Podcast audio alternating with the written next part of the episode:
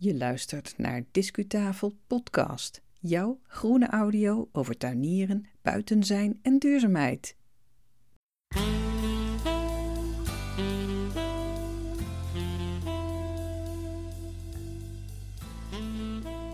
Hoi, hallo. Je luistert weer naar de stem van Yvonne Smit, jouw gastvrouw en maker en bedenker van Discutafel Podcast. Leuk dat je weer inschakelt. Dit is alweer aflevering 153 en die hebben we gepubliceerd op 26 oktober 2023. Eerst wil ik even de ruimte nemen om alle luisteraars te bedanken die de afgelopen periode hebben gereageerd op onze podcasts of op onze blogs op discutafel.nl of die ons hebben opgezocht op Twitter ofwel X en daar een reactie hebben geplaatst. Je zult niet altijd in onze podcasts die specifieke reacties uh, terug horen of uh, horen dat ik daarop uh, reageer. Vooral ook omdat het nogal eens een keer gaat om iets actueels of iets persoonlijks. En dat is bij terugluisteren niet of niet meer zo relevant voor jou. Maar ieder krijgt persoonlijk antwoord die ons opzoekt. Fijn ook dat we telkens weer nieuwe lezers mogen begroeten die uh, zich hebben ingeschreven op onze nieuwsbrief Discupost. Deze verschijnt onregelmatig en uh, dat doen we omdat we eigenlijk alleen iets willen publiceren als we echt iets te melden hebben. En je krijgt hem gratis in je mailbox wanneer je je daarvoor opgeeft via discutafel.nl. Nou, dan nu het onderwerp van vandaag. En dat is iets voor degenen onder jullie die iets meer willen begrijpen van planten, iets meer erover willen weten. Als hobbytuiner ben je er eh, wekelijks of misschien zelfs wel dagelijks mee in de weer. En dan is wat achtergrondkennis over planten wel zo handig. Je kan daardoor gewoon meer succes en plezier hebben met je hobby. En daarom publiceren we blogs en podcasts in de rubriek Discu Kennis. En zo ook in deze aflevering. Voor de groenprofessionals onder jullie, want ik weet dat er ook groene professionals naar Discutafel podcast luisteren. Nou, voor jullie zal het meestal gesneden koek zijn, maar je weet maar nooit. In deze aflevering van jouw groene audio staat plantvermeerdering centraal. Een heel woord, plantvermeerdering. Verderop in de show geven we je een beknopt overzicht van steksoorten, want dat hoort bij plantvermeerdering, nietwaar? En we doen een woordje over onze visie op het gebruik van stekpoeder. Halverwege het programma hebben we nog een audioverrassing voor je in petto om je even te laten ontspannen. En ik denk dat het heel goed is als je dan even de tijd neemt om rustig te gaan zitten en misschien zelfs je oortjes in te doen of je koptelefoon op te zetten. Maar we beginnen met het begrip vegetatieve vermeerdering. Ook zo'n begrip. Stekken, dat is iets dat je vast wel doet en dat is zo'n vorm van vegetatieve vermeerdering.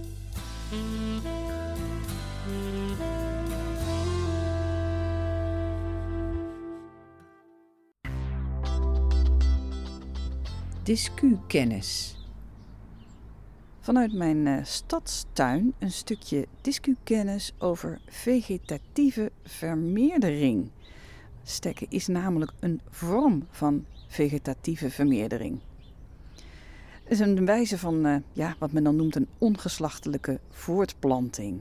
En, en wat betekent dat nou? Nou, dat betekent dat er een klein nieuw organisme kan groeien uit slechts een klein deel of misschien zelfs een enkele cel. Vegetatieve vermeerdering kan van nature gaan of op kunstmatige wijze.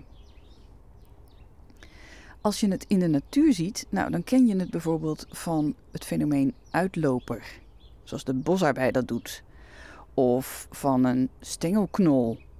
Dat zie je bij de aardappel en zelf heb ik ervaring in de tuin met kraailook en die maakt broedknoppen. Dat is ook een vorm van vegetatieve vermeerdering. Er komt trouwens niet alleen voor bij planten dat fenomeen, maar ook bij schimmels en zelfs bij sommige dieren. Dus dat is wel heel bijzonder.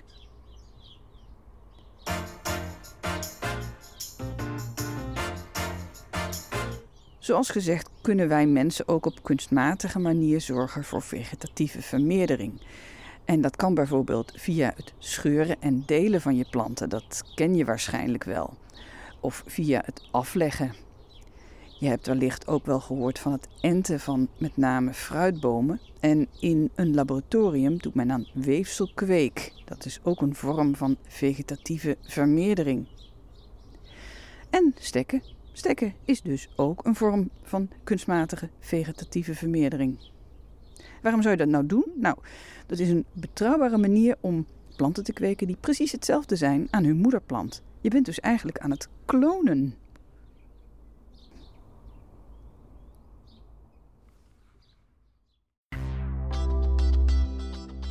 Discu-reportage. In deze podcast uh, hoor je nog eens een keer menselijke stemmen. En om daar nou even los van te zijn, van die pratende hoofden, ga ik je nu een paar minuten audiolandschap laten horen. Nagenoeg alle fragmenten zijn opgenomen in mijn eigen stadstuin tijdens het najaar door de jaren heen. Ik zou zeggen, ga even zitten en geniet. We beginnen hoog in de lucht en we eindigen met regenwater dat aan onze voeten klettert op de grond. Veel luisterplezier.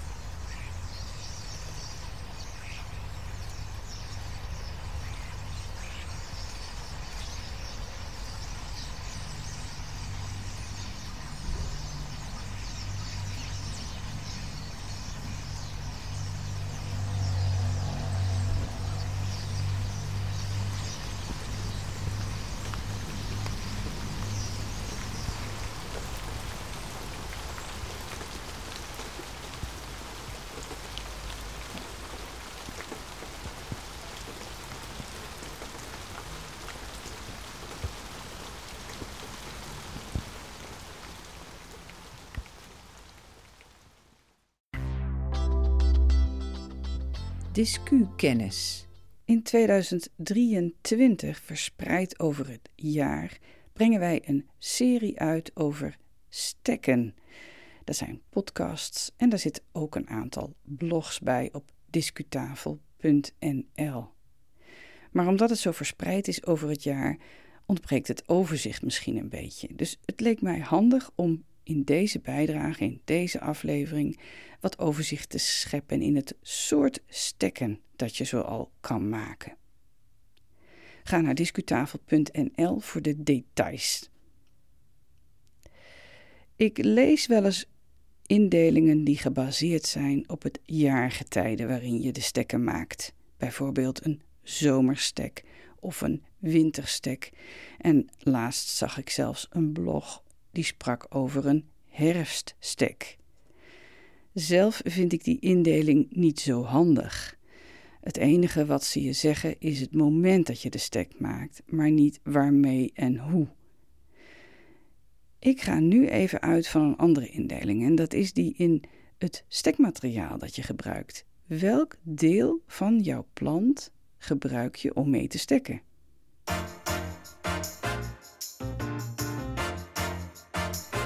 De eerste is de kopstek.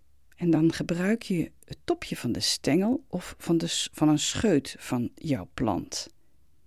Je kan je voorstellen dat is eh, heel jong materiaal, lekker sappig, maar daardoor ook heel kwetsbaar. En toch is er veel voor te zeggen om een kopstek te nemen. Want zo'n jong, sappig stukje van jouw plant is heel vitaal en het heeft een groot vermogen om wortels te vormen.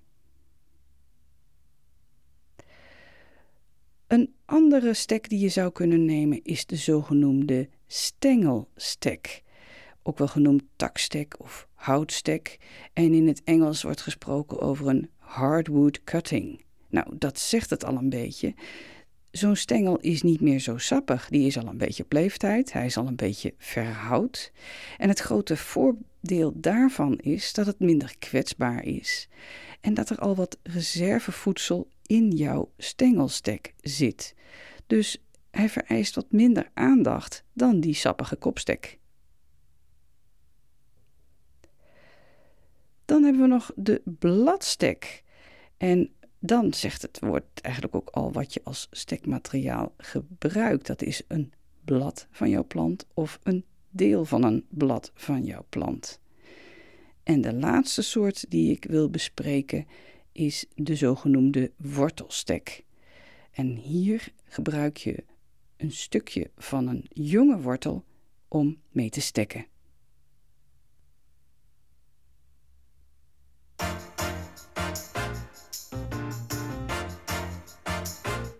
Als je het woord uh, stekken uitspreekt, dan uh, zal de gemiddelde groenprofessional of hobbytuinder al snel op het onderwerp stekpoeder komen. Moet ik dat nou wel of niet gebruiken? Ik heb daar in een eerdere aflevering al wel eens aandacht aan besteed, naar aanleiding van de vraag van een luisteraar. Dat was in aflevering 134, maar het, onder, het hoofdonderwerp eh, van die uh, episode was iets heel anders. Dus laat ik het nog even kort aanduiden wat ik tegen stekpoeder heb, want dat is namelijk wel zo. Um, ik, uh, ik ben er ooit wel mee begonnen, maar ik ben er ook eigenlijk al heel snel mee gestopt. Want het blijkt eigenlijk uh, weinig verschil te maken in het uh, succes van stekken. En bovendien bevat stekpoeder hormonale stoffen.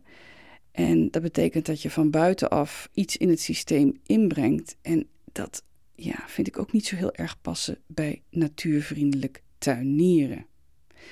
Als je zelf goede ervaringen hebt met, uh, met stekpoeder en je hebt niet die weerstand tegen die hormonale stoffen die je toevoegt, gewoon blijven doen, geen probleem. Maar Discutafel heeft stekpoeder afgezworen.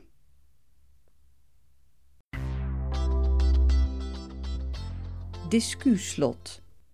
Nou, hiermee eindigen we de 153ste aflevering van Discutafel podcast. Wat leuk dat je daar weer bij was. Ik ben erg benieuwd naar je reactie op deze aflevering en dan vooral naar hoe je dat audiolandschap hebt beleefd vanuit mijn eigen najaarstuin. Laat het eens weten. Via Twitter bijvoorbeeld of X. Ik kan er maar niet aan wennen aan die naamswijziging in het, eh, 2023. Um, of uh, via een mailtje naar yvonne.smit.nl discutafel.nl. En bedenk dan dat je Yvonne spelt met de I van ik of Ineke, zal ik maar zeggen. De volgende aflevering van Discutafel podcast is gepland vanaf 9 november dat je die kunt beluisteren. Een Nederlandstalige weer. En dan gaan we als onderdeel van onze serie dit jaar uh, over stekken, gaan wij wortelstekken maken. Ga intussen lekker naar buiten. Graag tot de volgende keer.